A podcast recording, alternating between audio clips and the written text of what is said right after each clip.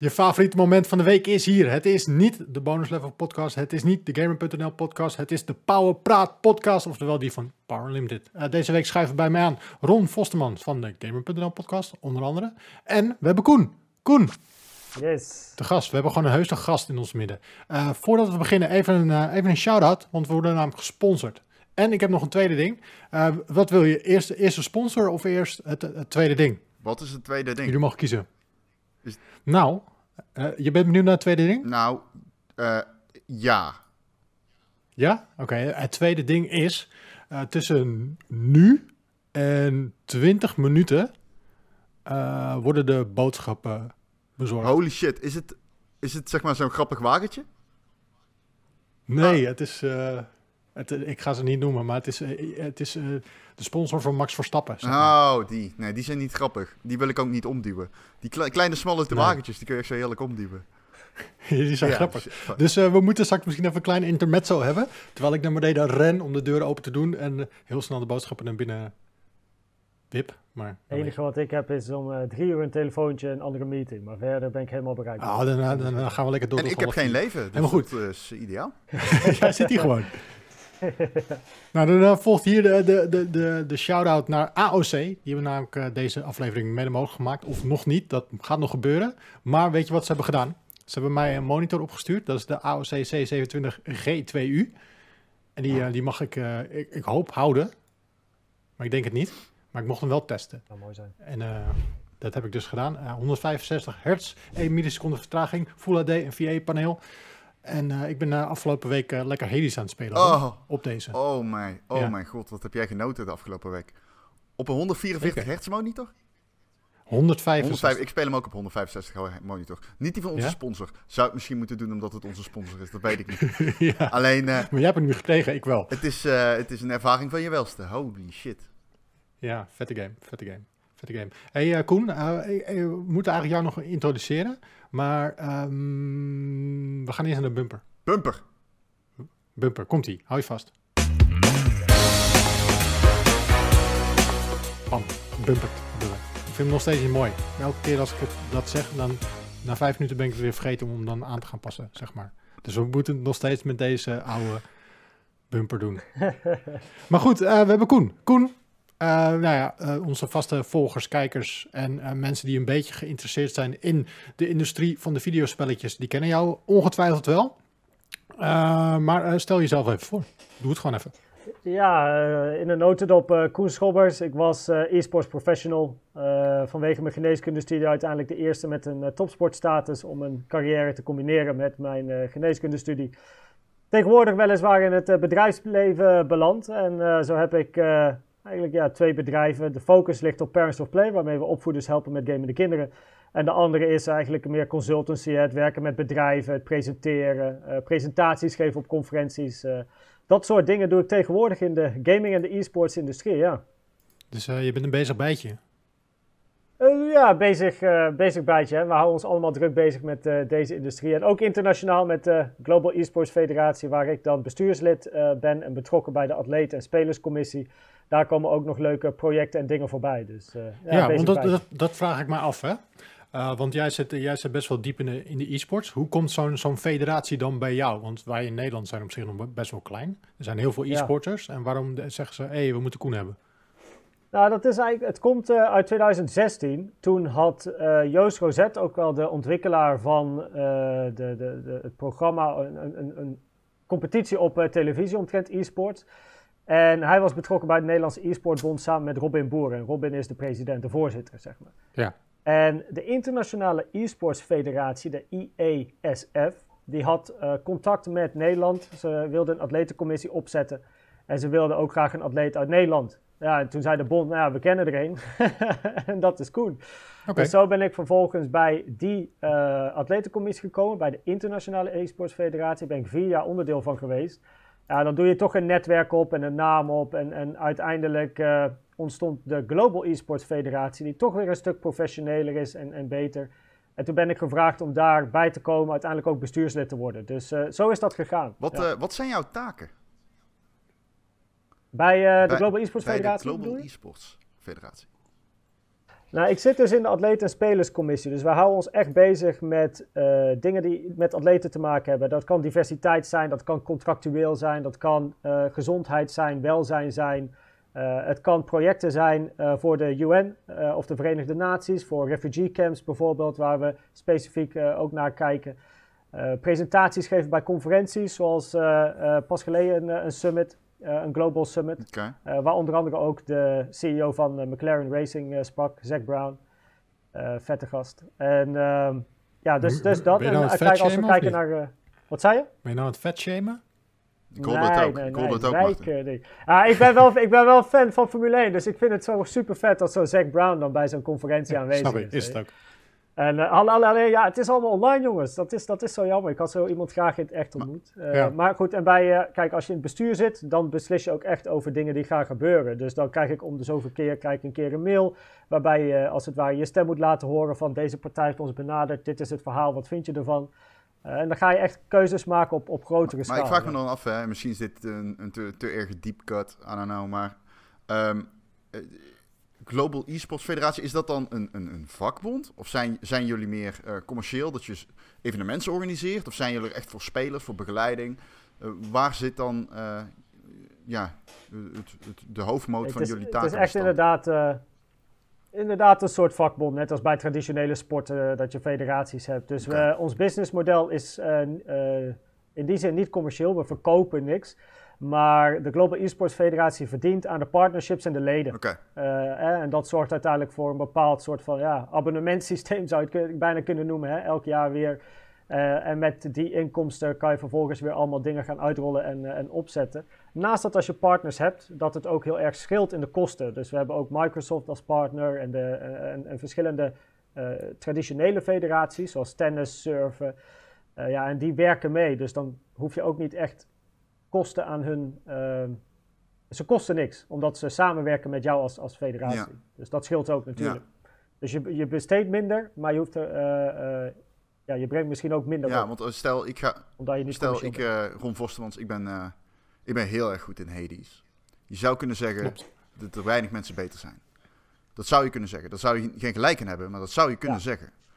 En stel dat mm. ik dat geloof en ik zeg ik word Hades e-sporter. En er zijn heel veel mensen die dat ook denken. En er groeit een competitieve e-sport scene rondom Hades. Dus daar dat nooit, nooit gaat gebeuren. Maar goed, ik, het is maar even een voorbeeld. wat, zijn, wat, hoe gedij ik bij het feit dat ik, uh, weet ik veel, x aantal euro per maand betaal aan de uh, e-sports federatie? Oh, nee, we, we, hebben, we doen niks met uh, spelers zelf. Dus de, kijk, we, we zijn er voor de spelers, maar de nationale federaties die hebben contact met de lokale okay. spelers. Waarbij wij uh, als atletencommissie voornamelijk dus contact hebben met de nationale en ook de absolute wereldtop. Dus uh, we hebben ook contact dan via Tencent, dat is een founding partner van de Global Esports Federatie. Hebben we contact met, uh, ja, ja, juist. Hebben we contact met ja, hele grote spelers in verschillende games. Pas geleden ook hebben we een speler in de atletencommissie gekregen, dat is Tokido. Hij is heel bekend in de fighting community. Een van de top 5 legends wordt hij ook wel genoemd. Dus dat zijn spelers waar we wel uh, directe interactie mee hebben. Uh, maar spelers die toch op een ja, misschien wat, wat lager niveau functioneren. Dat gaat allemaal via de nationale federaties. En dan de nationale federaties hebben weer een eigen ja, inkomstensysteem.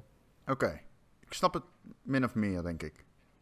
Dus de, zeg maar de local e-sporter of gamer, die zou inderdaad uh, bijvoorbeeld uh, iets kunnen betalen aan de nationale federatie, maar vervolgens de nationale federatie uh, betaalt aan de global e-sports Dus ik betaal mijn geld als dus een... klein voetballertje aan de KNVB en niet aan de UEFA, zeg maar. Ja, ja, ja eigenlijk een beetje hetzelfde als, nou, je hebt de lokale club, hè, bijvoorbeeld ja, in, ja, in, in Hees, waar ik ben opgegroeid, was dat HVCA. De HVCH zit weer vast aan een grote systeem. Hees, shout-out, mede Brabo.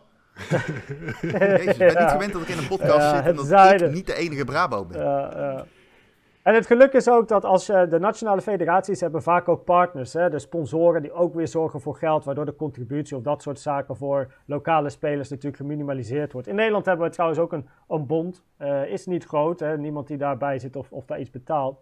Uh, maar toch zijn die wel aangesloten. Okay. Dus uh, zulke, zulke maar, dingen. Maar er is dus een Nederlandse bond, maar niemand zit daarbij? Eh, tot op heden, ja. Behalve dan, eh, je hebt de voorzitter Robin Boer. Joost die, eh, die eh, eh, adviseert daar ook in. Eh, ik eh, eh, help wanneer eh, ook nodig.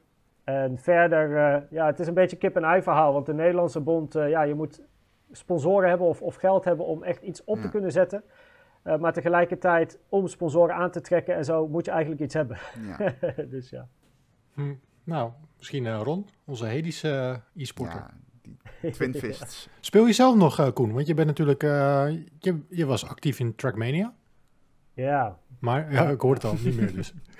Nee, nee de- ja, al heel af en toe, maar niet meer professioneel of, of actief. Eh, ik, ik vind mijn werk eigenlijk te leuk. Ik ben de hele dag eh, gewoon met mijn werk, ja, hobby bezig, hè, van je hobby je werk maken.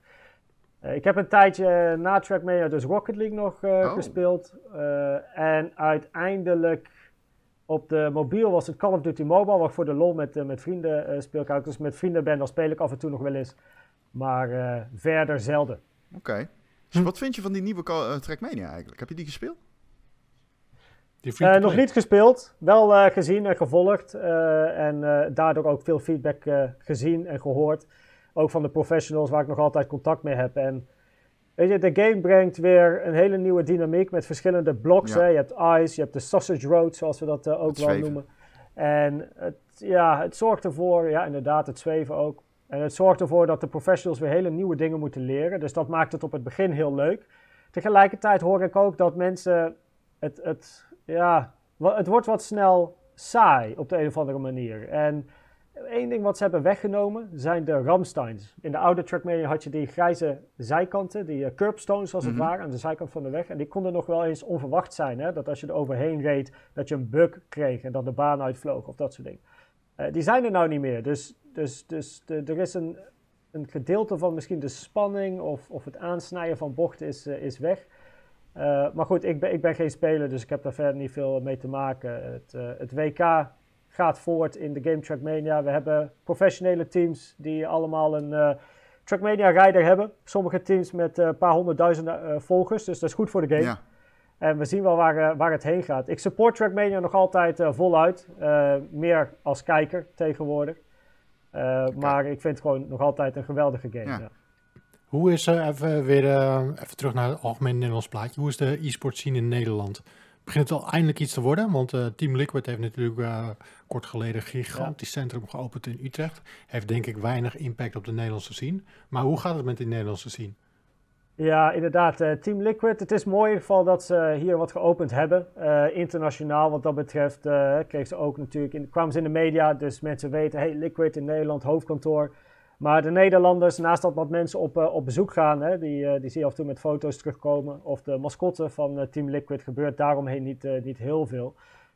Kijken naar de industrie, en dat zullen jullie ongetwijfeld ook gezien hebben... vanaf een beetje 2016, 17, toen...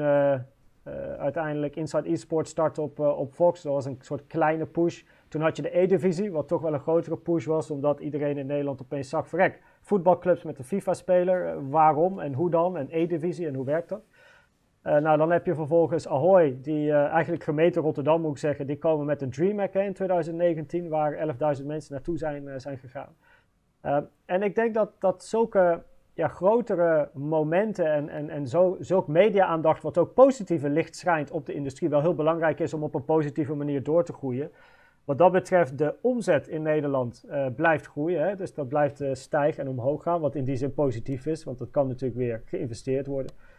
Eh, en het is wat dat betreft een beetje een kwestie van tijd tot het groot is. Want ja, de oudere generatie die toch wat minder games speelt, of de hele oude generatie die er misschien niks mee heeft, ja, die overlijdt. En de jongere generatie die, die groeit, groeit ermee op. Voor hen is het heel normaal. Dus eh kwestie van tijd totdat het alleen maar groter gaat worden. Maar zulke piekmomenten helpen wel heel erg. Ja, En hoe zit het eh, qua, qua spelers? We hadden natuurlijk een Fortnite-speler, die was tweede geworden tijdens het WK. Ja, Royo. Ja. Ja, Royo, klopt. Hebben we nog een beetje Ja. talent rondlopen in Nederland? Of is dat gewoon te weinig? eh, Ja, weet je, je hebt eh Vipo, hè, League of Legends, Fnatic. eh, je hebt dan eh, in, eh, in Rocket League bij eh, Dignitas. Ik weet niet zeker of die daar meer, eh, meer zit. Ik ben de naam van de speler ook vergeten. Maar ik weet dat het een Nederlander eh, was die eh, een tijd lang bij Dignitas een paar keer wereldkampioen is geweest. Nederlander ook. Kijken we naar jonge talenten. Ja, een van de grote gebeurtenissen denk ik ook is de Fuse Kids, Lowland Lions. de Fuse Kids die met hun Counter-Strike team gewoon absoluut domineerden in de, in de hele Benelux-industrie. Die het toch af en toe ook probeerden internationaal. Alleen konden ze daar nooit echt doorbreken. Weet je, ze zitten er tegenaan, maar echt doorbreken is lastig. Dus het is, weet je, in Nederland is het in e-sports verhaal misschien net hetzelfde als voetbal. Als je een talent hebt, gaat hij naar het buitenland. Ja. ja. Maar zijn er, uh, misschien weet jij dat wel uit jouw kring, zijn er echt grote bedrijven geïnteresseerd nu in e-sports? Die zoiets denken van oké, we, pakken een Nederlands team, we gaan het groot maken. Want dat is wat, toch, een beetje wat het nodig heeft, professionalisering in Nederland. Ja, ja je zegt pak een Nederlands, uh, Nederlands team. Uh, ik zie voornamelijk bedrijven die op marketinggebied graag campagnes doen. Denk aan Vodafone Ziggo, waar ik ook mee, mee gewerkt heb. Grote partij, doet meerdere dingen in de e-sports industrie, maar ook heel erg internationaal weer. Um, uh, ja, wat zijn andere hele grote partijen? Je hebt bij H20 eSports heb je Rabobank die groot is ingestapt met de, de, de Rabo eSports Arena heet dat dan daar. Ja. weet je, zo, zo. Maar ook zo'n zo'n H2O eSports Arena, dat is dan weer in Purmerend. Weet je, wie gaat er nou in godsnaam naar Purmerend?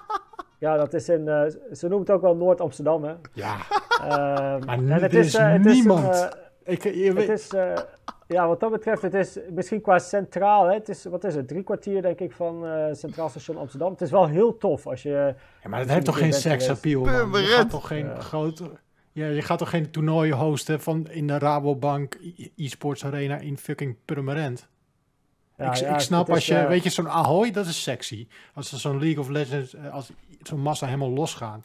Maar als, ik, als, als we straks gewoon mensen moeten ontvangen op Schiphol, internationale spelers, en die gaan we dan naar Purmerend Het klinkt echt alsof ze daar het WK ja. stierenschoppen aan het houden zijn. Uh, het heet ook uh, H20 eSports Amsterdam, maar het is officieel inderdaad in Purmerend. Mm. Ja, dus, ja. Uh, het is wel een heel tof, uh, tof gebouw als je kijkt naar hoe ze het opgezet hebben. Ja, ik ben er geweest. Ik, het ziet er heel nice en fancy uit. En uh, die mensen die, de, die dat allemaal opzetten, die, daar heb ik ook al alle vertrouwen in. Maar ik, gewoon, zoiets moet je toch gewoon in, of in Utrecht hebben of in Amsterdam, gewoon groots. Dat je gewoon ja. bam. Ja, er zijn wel partijen die. Uh, kijk, H20 is degene die het verste is, laten we het zo zeggen. Maar er zijn wel andere vastgoedpartijen die interesse hebben om iets vergelijkbaars op te zetten. Niet zo'n arena, want daar, daar moet je wel echt... Uh, hè, dat is eigenlijk een gymzaal omgebouwd tot een soort e-sports uh, arena, zoals dat uh, in H20 is gebeurd.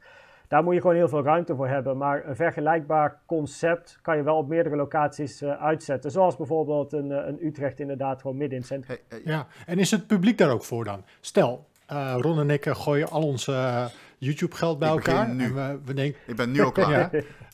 En we, we gaan een soort van Amsterdam Arena bouwen voor de e-sports. Let's do it. Kunnen wij dit jaar nog 40.000 man op de been brengen om ons stadion voor te ja. Of is dat publiek nee, er gewoon niet? Nou, nee. nee. weet je, tenzij je echt internationale uh, doelgroep gaat aantrekken. Hè? Ik bedoel, met, met League of Legends hebben ze één keer... Ja, nee, trouwens... Ik ga het hier niet... Weet je, League of Legends hadden ze dat uh, Birds Nest gedaan, hè? De, het ex-Olympisch mm -hmm. stadion. Hadden ze in uh, Azië helemaal volgekregen met 40.000 mensen. Dan heb je het en over Azië hè, uh, en over de game League ja. of Legends. Uh, ja, als je dat in een Nederland uh, zou gaan doen, uh, ja, dan is de, de, de appeal voor e-sports, de, de doelgroep is nog een stuk kleiner. Maar waar, waar, ik wel benieuwd naar ben, want je had het net al even over dat vanwege corona zit iedereen thuis. En ik, heb, ik heb hier wel eens een interview over ja. gedaan met echt heel nieuws volgens mij, of ergens, ik weet niet meer. Maar in ieder geval, het ging erover van, je ziet nu heel veel op Twitch en zo, dat sporters, Max Verstappen, maar ook wielrenners en zo, die grijpen naar ja. streamen om toch een soort van hun sport te etaleren. Misschien wel te oefenen, maar het ook tegen elkaar op te nemen. Dat is een soort van gimmick, heeft niet per se betrekking op e-sports. Maar had jij misschien meer of minder, ik weet het niet hoor, maar had je misschien een soort van push verwacht, een soort van organische push vanwege corona, dat mensen die uh, geen voetbal kunnen kijken, gaan uitwijken naar Twitch om uh, high-level FIFA play te zien? Ja, nou, wat je wel ziet is dat hè, de, de kijkersrecords waren gebroken. Ja. En de, de meeste mensen die tegelijkertijd op Steam aan het gamen waren, dat record was, uh, was verbroken. Uh, Twitch-cijfers zijn natuurlijk wel echt omhoog gegaan tijdens deze coronaperiode. Ja. En wat je ziet klopt. En het, het, is ook wel mooi om te zien dat uh, voetballers, uh, NASCAR-rijders, in Amerika ja. heb je NASCAR virtueel gehad met de rijders. je hebt een Lando Norris, Max Uitgezonden op ESPN trouwens, NASCAR en zo. Dus dat is wel... Ja, dus je ziet dat traditionele sporters eigenlijk, atleten inderdaad uitweiden naar een, naar een Twitch om ook contact te houden met hun fanbase. Maar het interessante van dit is, is dat naast dat de kijkers die ze sowieso al hadden met de traditionele sport, uh, via de tv of de mensen die echt naar het stadion komen, een gedeelte daarvan zal ongetwijfeld ook online gaan kijken, want ze volgen misschien die atleten op social media, die posten daar een keer een Twitch-linkje uh, en ze gaan kijken. Maar tegelijkertijd mix je die traditionele doelgroep eigenlijk met de nieuwe Twitch-doelgroep, dus de misschien wat jongere generatie. En wat je dan gaat krijgen is, en dat, ja, misschien hoop ik ook wel een beetje, dat als dadelijk deze COVID-19-periode uh, weer een beetje bij is gekomen, en evenementen gaan weer door, dat een gedeelte van het, het, het Twitch-platform, die, die wat nieuwere generatie, ook weer gaat kijken naar die traditionele sporten. Dus dat je in die zin een, een mengelmoes krijgt van beide. Dus die traditionele sporters blijven online actief om met hun doelgroep interactie te hebben tussen wedstrijden door. Uh, maar dat nieuwe generaties, uh, of jongere generaties moet ik zeggen, ook kijken naar de sporters wanneer ze echt hun sport beoefenen in de fysieke wereld. Ja. Hoe, hoe broodnodig zijn fysieke events in die e-sportswereld? Ik weet dat in Azië het, uh, een, ja, dat, is, dat, dat, weten we, hoe het ja. daar gaat. Um, maar hoe, er, hoe erg is het nodig hier om het aan de man te brengen? Bedoel je specifiek ja, Nederland of nou, gewoon laten we het hebben over West-Europa? Ja, kijk, uiteindelijk, uh, we hebben hier fantastische events. Hè? Katowice, Keulen, we hebben in Parijs uh, ESWC, uh, meerdere DreamHack sowieso in, in Europa. En ook, ook fysiek is net als ook als traditionele sport, weet je, je zit in een stadion niet alleen om op een potje voetbal te zien, maar vanwege ook de sfeer en de emotie en het geluid en de, en, en, en, en de lichtshows voor een wedstrijd en al dat soort zaken.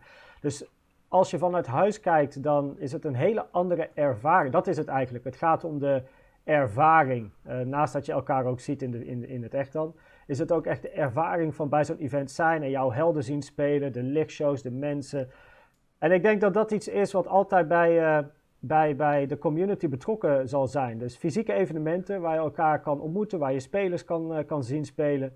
Uh, waarbij het echt gaat om de sfeer, de emotie die, uh, de experience die je bij zo'n event. Ja, je moet ik tegenwoordig ik ook wel een beetje zien van alles is tegenwoordig een ervaring. Als je een scheet laat in het donker, dan maakt een PR-campagne er wel een ervaring van. Dan denk je, het is, het is de ja. maak een scheet in het donker experience. Nu live op Android en iOS.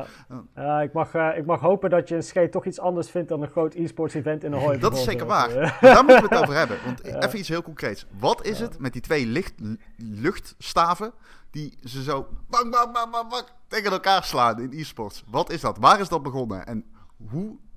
Weet je wat ik bedoel? Die, uh, oh, uh, beat, wat, bedoel je, wat bedoel je? Ja, nee, luchtstaven. Het zijn van die uh, opblaasdingen van twee van die staven. En die slaan ze zo fucking hard op elkaar. Martin is al lachen, moet ik ook lachen. Maar weet je niet dat ik ja, omdat ik het ken. ik zie het voor. Ik zie gewoon die beelden nu voor me. Dat al die gasten zo... Oh, dat bedoel je. Ik was een keer bij Call of Duty Experience. En ik zat daar gewoon fucking chill, weet je wel. Ik had net Snoop Dogg en Wiz Khalifa gezien. Ik zag zo... Misschien wel gewoon Contact High. En ik zat te kijken en het was echt interessant. Opeens zat zo'n guy naast me. Bam, bam, bam, bam, bam. En ik kreeg gewoon bijna een TIA. Ik heb ja. twee weken bij moeten komen. Het is echt zo gekend. Je, ja, ik moest even nadenken. Ik dacht lichtstaaf. Nee, lucht. Wat voor lucht. Als ik, licht, als ik licht nou zei, dan... Ja, luchtstaaf. Ja, is nog steeds dat moment nee, geweest. luchtstaaf. Ik denk, wat, ik denk, wat bedoel je nou in hemelsnaam? Licht, lucht. Ik dacht aan Beat Saber te denken. En, Beat Saber, nee. Uh, van alles en nog wat. Maar je bedoelt inderdaad die opblaasbare ja. dingen in het stadion. Ja, ik, ik zou eigenlijk eerlijk gezegd niet eens weten waar die vandaan komen. En waar, waarom dat bij e-sports uh, evenementen echt een, ja, echt het is een echt ding een is. ding. Bij een voetbalstadion krijg je Het die is van. echt een ding. Ik schrok ervan. ja, ja, mensen klappen ermee. Ik laat ze meestal liggen, maar uh, uh, ja. Hoe, hoe beleef... Misschien heeft dat ook wat, ook voor de ervaring. Oh. Over ervaring gesproken. Hoe ervaar jij een e-sportswedstrijd? Want ik ben wel eens... Oh, ik kan daar ja? helemaal in meegaan. Oké, okay, dat vind ik cool om te horen. Ja. Ik heb dat namelijk ook. Ik kijk ik, heel uh, graag uh, e-sports en dan zit ik er echt in, zeg maar. En soms dan kijk ik bijvoorbeeld... Ik heb, ben laatst Rocket League toernooi geweest. Uh, gekeken bedoel ik. En toen... Ik, ik speel zelf Rocket League. Alleen ik, ik vind het heel moeilijk om het te verplaatsen in iemand die er goed in is. Als iemand die er heel erg slecht in is. Maar ik kan er toch van genieten. Maar is het zo dat jij als oud speler er dan ook van geniet als een kijker? Of kijk jij ernaar als atleet? Dat is eigenlijk mijn vraag, als ik. Uh, bij, nou, ik moet toegeven, alleen bij Trackmania kijk ik er ook naar als atleet. Omdat ik de game zo onwijs goed ken. Dat je, je ziet gewoon waar, als, als, als je als kijker kijkt naar een Mhm. livestream en je ziet iemand steeds dezelfde fout maken, maar dat heeft hij niet door, dan ga ik me irriteren, weet je wel. Dan denk ik van, jongen, daar, daar zit het hem. Daar kan je tijd eh, winnen. Eh, maar tegelijkertijd ben ik ook een casual en, en eh, kijk ik er gewoon heel open-minded naar. Maar dan heb ik het over Trackmania. Als ik eh, ook als, als host eh, een tijd lang van Inside Esports kijk naar games als Counter-Strike, League of Legends, waar ik zelf geen speler ben geweest, kan ik wel echt genieten van de gameplay, eh, gameplay de strategie, de tactiek, eh, het onderling contact met de spelers. En dan fascineer ik me ook. En, en zeker ook in een game als, als Counter-Strike, wat heel erg snel gaat. Hè, elke twee minuten, eigenlijk tweeënhalve minuut een, een nieuw rondje. Ehm, ja, dat, dat, dat, dan zit ik wel op het puntje van mijn stoel. En, eh, kan ik wel echt, eh, echt meeleven als er eh, mooie en minder mooie dingen gebeuren. Ja, Heel geweldig. vet. Heel cool. En gewoon als neutrale toeschouwer dan, Ja. hè, want ik heb die game niet professioneel gespeeld. Dus wie ben ik dan om daar spelers over ja, aanwijzingen op te geven? Dus ik kijk dan naar zulke games echt als neutrale kijker. En geniet ik gewoon van ja, de game die, die Want gespeeld jij bent ook consultant. Dus jij bent wel iemand die in zekere zin begeleidt. ook. Nou, ligt eraan, hè? op zakelijk gebied zeker. Ja, dus dan, maar dan heb je het meer over dat je met bedrijven werkt om eh, te denken aan marketingstrategie of campagnes of mijn netwerk gebruiken om ze te, te connecten aan een mogelijk interessante partij waar ze Ja. iets mee kunnen. Is er een-. Waar, waarvoor kan je iets noemen waarvoor jij verantwoordelijk bent? Waar, waar mensen, welke campagne jij achter zet, waar mensen jou misschien wel van kunnen kennen? Ik denk de, de grootste die in ieder geval in Nederland is de, de Vodafone Family League. Wat eigenlijk ook weer hè, in contact staat met eh, mijn bedrijf Parents of Play. Dus het, Ouders en Gamende Kids en mijn boek daarbij. En bij de eh, Vodafone Family League, wat we hadden gedaan uiteindelijk is... ehm, of hoe het eigenlijk tot stand kwam is... Ik was bij een event en daar was iemand van Vodafone Duitsland aanwezig. Nou, gesprek mee gehad. Die zei, oh super interessant wat je doet. Ik connect je met Vodafone Nederland. Nou, zo is het gegaan. Dus hun wilden iets, eh, iets met gamen, Vodafone Nederland. En eh, Vodafone is best wel een beetje een familiebrand. Ze hebben de, de Red Together bundle voor de hele familie, dat soort zaken. En toen zei ik, nou, ik, ik werk ook met, eh, met families. Nou, toen hebben we uiteindelijk de Family League bedacht samen. Hebben we uit, eh, opgezet, uitgezet, hoe je dat ook noemt. En vervolgens een, een campagne omheen gedraaid. Dus we hadden niet alleen de advertentie, zeg maar. Dus, of ja, de campagne video, zoals ik het dan graag noem, van drie minuten was die. Waarbij we twee gezinnen hadden gevonden met een gamend kind. En de gamende kinderen gingen hun ouders meer leren over Fortnite. Vervolgens gingen papa en mama van gezin 1 tegen papa en mama van gezin 2 spelen in de finale. En de winnaar kreeg een beker. Ehm, puur omdat, om ouders ook meer te laten begrijpen van wat hun kind doet. Maar daarnaast hadden we dan ook workshops eh, eh, bij Vodafone op het hoofdkantoor. Een paar tips en tricks video's die ook op YouTube staan. En een eh, lesmodule omtrent de spelschrijf van 5. Dat is een van de modellen waar ik in les geef. Omtrent eh, balans, slaapstudie, sport, sociaal spel. Daar is een online lesmodule voor eh, gemaakt die op basisscholen en middelbare scholen nou gebruikt wordt. En eh, ja, dan, weet je, het proces is in feite dat je, je ontmoet elkaar. Je gaat in gesprek. Wat wil een Vodafone? Wat is de achtergrond van een Vodafone? Normen, waarden, waar willen ze naartoe? Wat zijn de producten die ze hebben? En vervolgens ga ik linkjes vinden met de gaming- en e-sports industrie.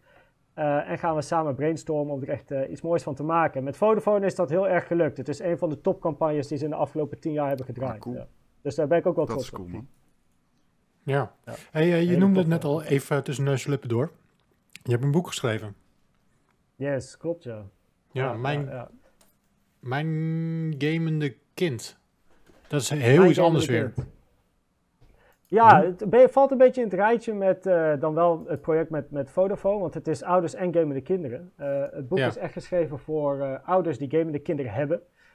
En de missie van het boek is echt om de relatie tussen opvoeder en, en gamende kind te herstellen, behouden of versterken. Afhankelijk dan van de beginsituatie. En ook kinderen in een betere balans te brengen of te houden. Dus het is in ieder geval voor iedereen die een gamend kind heeft. Ja, wa- waarom wilde jij dit boek schrijven? Want jij hebt zelf geen kinderen.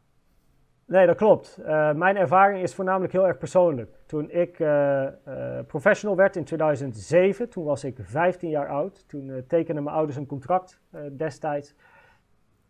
Toen was de situatie thuis nog goed, maar met de maanden, jaren werd voornamelijk de relatie tussen mij en mijn moeder nogal wankel. En zeker op het gebied van communicatie. Weet je, mijn moeder had, mijn moeder had weinig interesse, veel discussies, irritaties, weet je, problematiek. Daar wordt de relatie niet beter op. Dus dat is jarenlang zo doorgegaan. Maar dat kwam door, de, door het eh, spel, omdat jij zoveel aan het gamen was. Ja, ik was natuurlijk een gamer en eh, de belofte was gewoon, hè, school moet goed gaan. Eh, dan mag je blijven gamen. Nou, daar had ik geen moeite mee. De school ging goed. Ik was gewoon een voetballer, nog altijd drie keer in de week. Hè, twee keer trainen, in het weekend een wedstrijd. Dan had ik ook gewoon mijn vriendengroep, heb ik nou ook al 14, 15 jaar. Dus die had ik toen ook. Daar, daar had ik eigenlijk net mijn vriendengroep. Dus eigenlijk op, op die S'en ging het op zich goed, behalve de S van spel. En ja, ze zag een kind inderdaad achter de computer zitten, had daar weinig mee. Eh, etenstijd moet ik toegeven, was ik wel regelmatig De wat Ja, ik later. zat ook even de S'en. Wat zijn de S'en? Oh, eh, eh, slaap, studie, sport, sociaal en spel. Dat is de spelschijf van vijf. Nee? Ja. ja, als je dat een belangrijk levenscomponent vindt, kan je die er wel valt bij iets doen. ja. ja. Maar eh, die, eh, die vijf moeten in een, in een goede balans zijn. En eh, ja, mijn moeder, in principe waren die, eh, die in balans, maar mijn moeder had gewoon niks met gamen. Dus daar lag een problematiek. Ik zette me af tegen mijn moeder, want zij had geen interesse in mijn favoriete hobby, dus ik vond dat niet leuk. Nou, uiteindelijk ging dat alleen maar, was het gewoon neerwaartse spiraal. Nou, jarenlang doorgegaan, erg irritant, frustraties, ruzies, noem maar op. En uiteindelijk in eh, 2014 ben ik voor het eerst geïnterviewd in de media, NOS was dat. En dat heeft het ijs doen breken. Toen zag mijn moeder in één keer van vrek. Mijn, uh, mijn gamende kind is uh, in de media, nationale media. Kreeg mijn moeder ook positieve reacties van haar omgeving. Uh, haar omgeving was eerst vrij negatief naar mij als gamend kind. Of eigenlijk tegen mijn moeder van ja, je hebt een gamend kind, weet je, wat is dat nou? Dus ehm, die werd opeens positief. Mijn moeder is gaan kijken naar die interviews. Ze is anders gaan kijken naar gamen.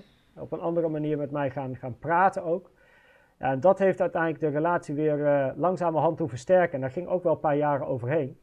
Maar omdat ik door die, die, door die situatie ben gegaan met, met mijn moeder en weet ook dat heel veel andere ouders in een vergelijkbare situatie zitten, maar ook gamen, gamers, hè, andere gamers, ja, dacht ik van ja, hier kan ik op basis van mijn ervaring iets mee doen.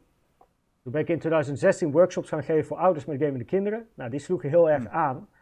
En in 2017 ben ik toen eigenlijk begonnen met het boek. Was niet het idee om een boek te schrijven. Ik wilde gewoon mijn kennis in een Word-documentje schrijven.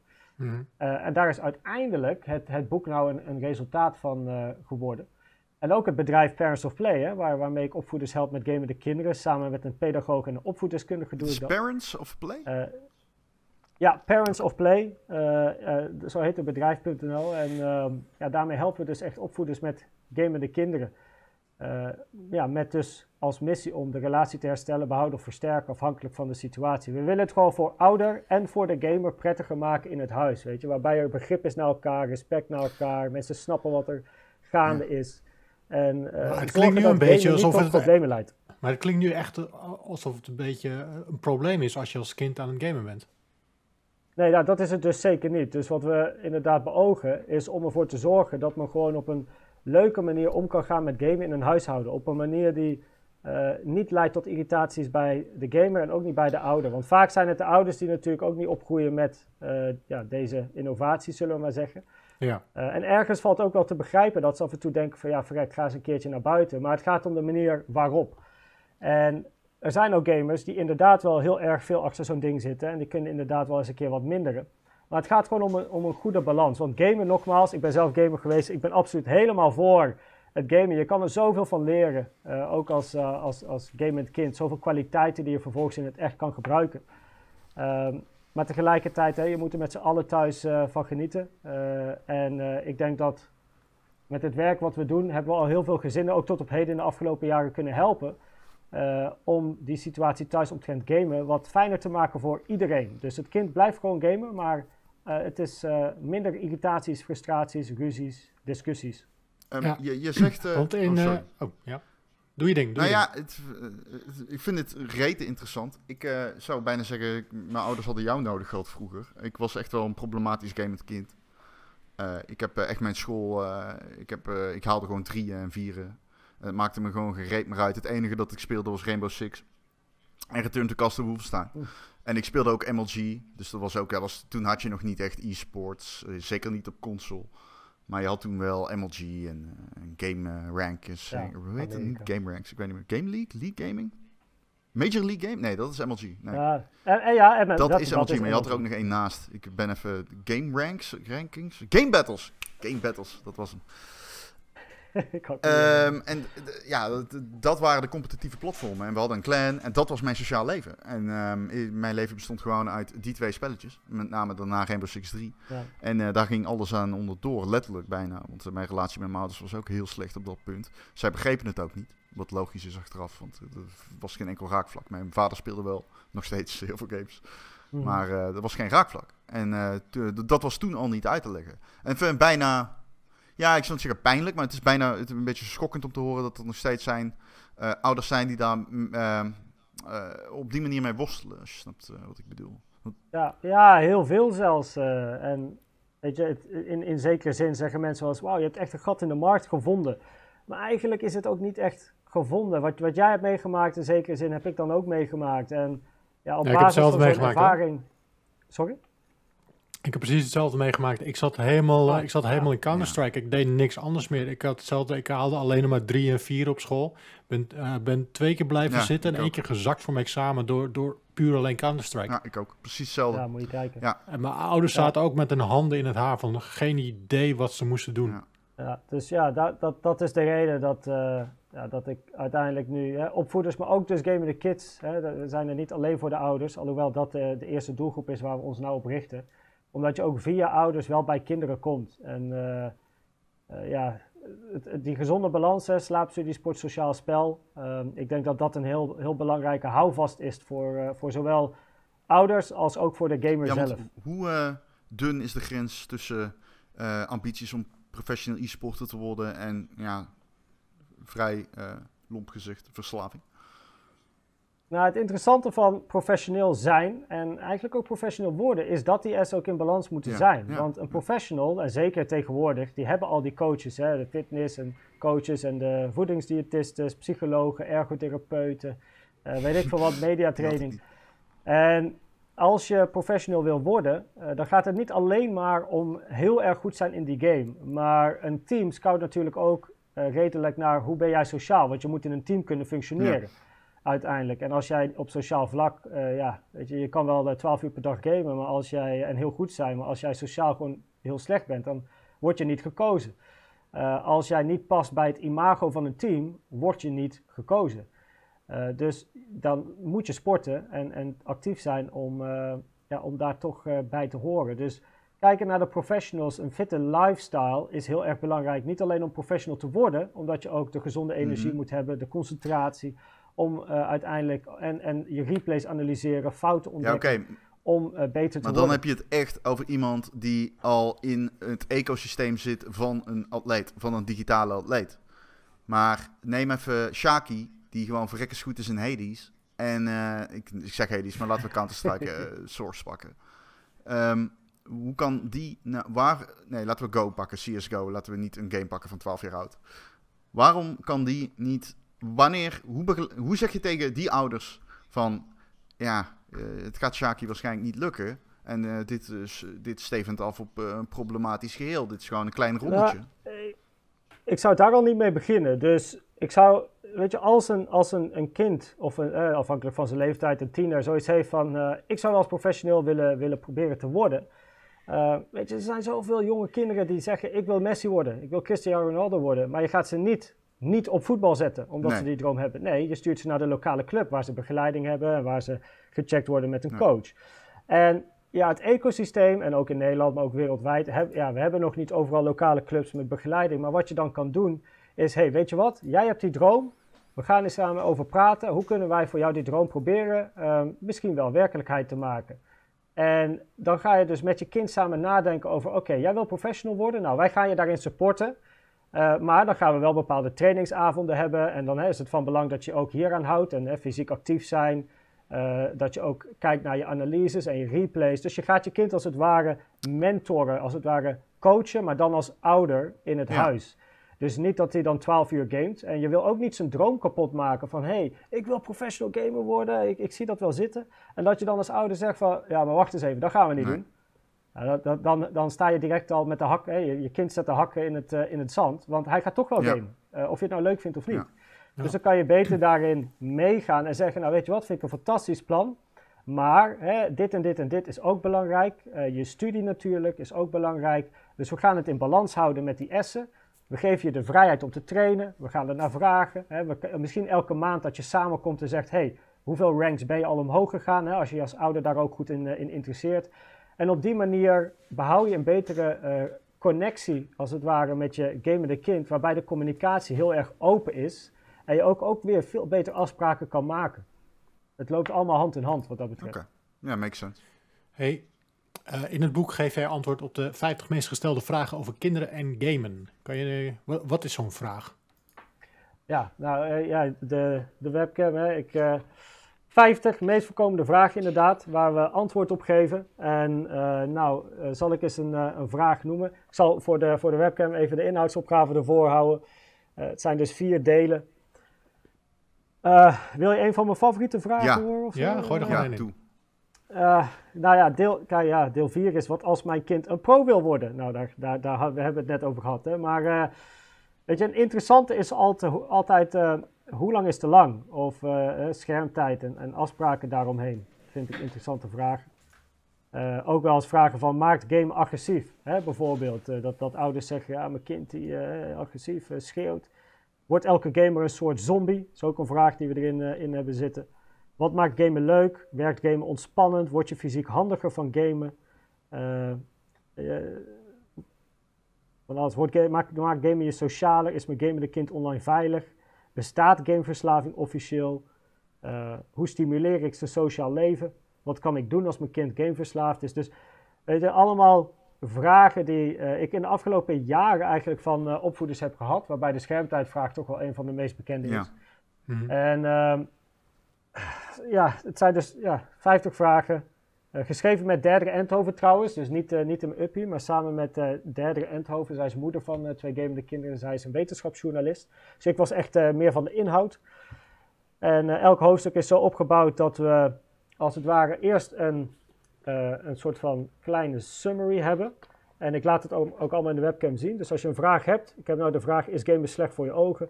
Dan heb je eerst een antwoord in het kort voor ouders. Daarna heb je een aantal pagina's met uh, wat meer tekst en diepgang en wetenschappelijk onderzoek als het ware. En dan op het einde hebben we een aantal spelregels, zoals we dat uh, noemen, voor ouders. En dat zijn eigenlijk tips en adviezen. Okay. Dus uh, daar kunnen ouders mee, mee aan de slag. Dus het is, we wilden namelijk een heel praktisch boek maken, want ik, ik ken het wel ook als gamend kind, dat je ouders dan zegt van toon interesse. Ja, en wat is dat dan, interesse tonen? Want als jij een niet hele goede relatie hebt met je kind en je komt naar je kind toe en uh, normaal gesproken heb je ruzie of discussie over gamen en dan opeens zeg je, hé, hey, maar wat is dat eigenlijk? Ja, dan kan je de, de wind van voren verwachten.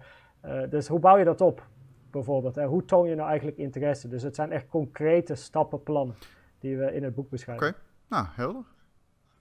Ik ben, waar ik wel benieuwd naar ben, in hoeveel huishoudens dit speelt. Pro problematisch gamen of slechte communicatie omtrent Ja. games. Ik ben benieuwd, want bijna iedereen gamet nu. Er kwam laatst een onderzoek naar buiten dat 8,5 miljoen gamers in Nederland zijn. Volgens mij heeft 8,3 bijna zo, elk ja. huishouden heeft wel een gamer. Dus ik vraag me ook af hoe, of, hoe, hoe groot het probleem is in Nederland. Ja, er zijn zo'n 80.000 eh, kinderen die problematisch of richting verslaafd gamen. En dat is op basis van, eh, van onderzoeken van onder andere dan ook Trimbos. Data, moet ik toegeven, is wel wat verouderd. Het is een paar jaartjes eh, oud wat dat betreft. eh, maar op de website ook van, van Trimbos, dat is volgens mij Gamen en Info of Gamen Info. Vergeet altijd precies of er nog een N tussen zit of niet. Maar daar staat wat data op. En dan kan je ook via uiteindelijk Centrum Jeugd, maar CI, kun je ook weer data bekijken. Dus er is wel data te vinden, het is alleen wat ouder. Maar het is ongeveer zo'n eh, zo'n 80.000 kinderen die tegen problematiek aan zitten. Maar het interessante is dat de grootste doelgroep, ook van ouders, zijn niet per se gamers die echt problematisch zijn. Maar dat zijn de mensen die gewoon steeds elke dag weer discussie hebben over etenstijd of schermtijd. Dus die hebben niet Ja. een verslaafde of problematische gamer, maar hebben wel veel irritaties en frustraties omtrent het thema gamen. Eh, wat niet leuk is voor ouder en natuurlijk ook niet voor kind. Dus eh, ja, we, spreken trouwens wel alle doelgroepen aan hoor, daar niet van. Maar ehm, de, de, de, het percentage mensen die strijd heeft in het huis is, is ja, eigenlijk onbekend. Ik vraag me wel af, in hoeverre... het is een beetje een stokpaardje van mij, maar in hoeverre heb jij de indruk dat spellenmakers daarin verantwoordelijkheid hebben? Om het dan breder te trekken, ik vind wat EA doet met EA eh, eh, Ultimate Team modi in sportgames vind ik echt volstrekt krankzinnig. Ik eh, snap echt niet dat dat legaal is. Ehm, Het gokken eigenlijk, hè? Loot, lootboxes, maar dan kaartjes. het, Packs, het is gewoon packs een digitale trekautomaat. Het is gewoon inspelen op de gokgevoeligheid van kinderen. En eh, er is geen wetgeving die dat eh verhelpt. En natuurlijk, we leven in een vrij land. Iedereen moet doen en laten wat ze willen. Maar een 16-jarige mag ook geen alcohol drinken. Ja. En waarom mag hij wel Ja, het een digitaal casino vind ik daarbij, weet je, lootboxes waren wel afgeschaft door de government, was dat? De nou ja, regering. niet echt. En eh, niet echt dus. ja, bij, ik- ja, nou, in, in Counter-Strike, dus via Steam mocht dat niet meer. Nou ja, je En, mag eh, ze niet meer digitaal verhandelen. Maar de lootboxes zitten nog gewoon in de games. Er is verder niks veranderd. Ja, je, ja, je, je, moet, je, je, je moet weten wat je koopt. Daar Ja. kwam het op neer. Dus je moet weten wat je krijgt. Eh, en dus in die zin is het gokelement er een beetje vanaf. Maar Nee, in een FIFA met de packs is het dus nog altijd onbekend. Ja, het is zeg maar, je mag ze niet meer, eh, blindboxes mag je niet meer verhandelen in-game. Voor echt Nee, geld. inderdaad. maar ehm, de lootboxes zitten Ja. er nog gewoon in. Ik eh, kan nog steeds duizend pakjes Ja. kopen en nul keer Messi halen.